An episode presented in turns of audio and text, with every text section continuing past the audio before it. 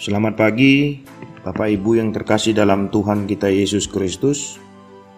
Firman Tuhan bagi kita di pagi hari ini tertulis di dalam Injil Yohanes pasal 6 ayat yang ke-29. Jawab Yesus kepada mereka, inilah pekerjaan yang dikehendaki Allah, yaitu hendaklah kamu percaya kepada Dia yang telah diutus Allah. Demikian firman Tuhan.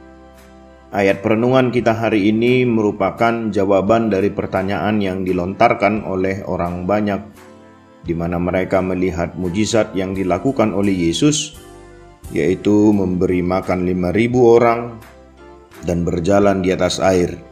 Dan seketika itu banyaklah orang yang mengikut Yesus. Lalu kata mereka kepadanya, Apakah yang harus kami perbuat supaya kami mengerjakan pekerjaan yang dikehendaki Allah? Namun sebelum ayat ini ada kalimat pengajaran yang tajam yang diucapkan oleh Yesus. Dia mencoba menganalisa mengapa begitu banyak orang yang ikut dengan dia. Aku berkata kepadamu, sesungguhnya kamu mencari aku bukan karena kamu telah melihat tanda-tanda, melainkan karena kamu telah makan roti itu dan kamu kenyang.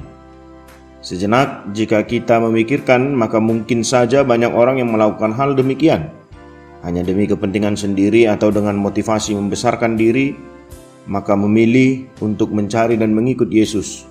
Maka risikonya, jika tidak sesuai dengan kepentingan, maka akan dengan mudah meninggalkan Yesus. Untuk itu, Yesus harus memastikan apa yang dikehendaki Allah, yaitu percaya. Percaya bukan hanya sekedar menaruh keinginan dan kepentingan sendiri, namun mempercayakan seluruh perjalanan hidup kepada Yesus. Seperti yang diucapkan oleh Yesus, hendaklah kamu percaya kepada Dia yang telah diutus Allah. Jangan sampai kita mencari Dia karena suatu tendensi atau motivasi yang salah, bukan karena kita ingin mengenal pribadi Tuhan Yesus lebih dalam, tetapi hanya ingin kebutuhan kita terpenuhi berkat kesembuhan, pertolongan, dan mujizatnya? Apa yang mendorong kita bertekun mencari Tuhan? Karena kita sungguh-sungguh mengalami pertobatan dan mengasihi Dia?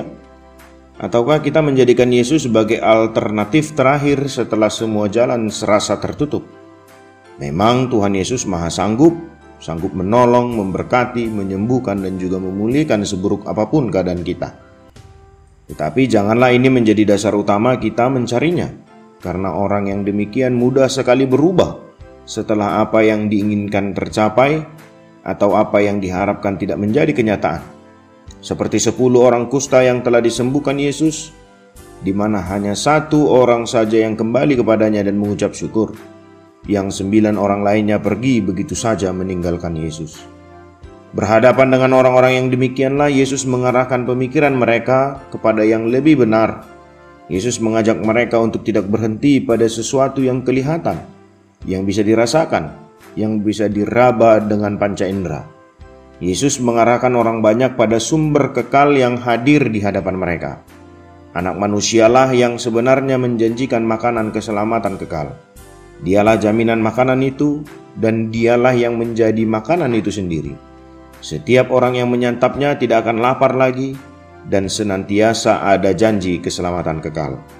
Bekerjalah bukan untuk makanan yang akan dapat binasa, melainkan untuk makanan yang bertahan sampai kepada hidup yang kekal.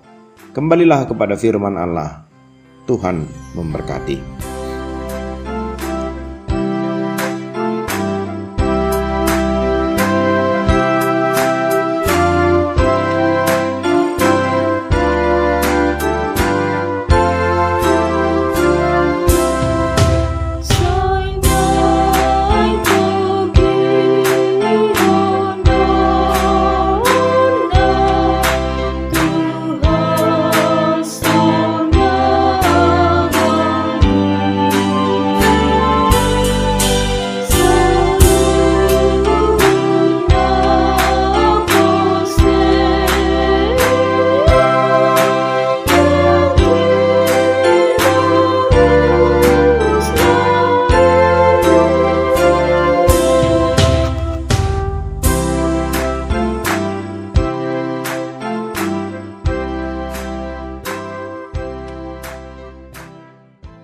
Shalom Mamang Inang Terima kasih sudah mengawali hari dengan mendengarkan renungan hari ini. Yuk bagikan renungan harian ini kepada keluarga kita, sehingga firman Tuhan itu tidak kembali sia-sia, namun berbuah dan terpelihara. Tuhan Yesus memberkati.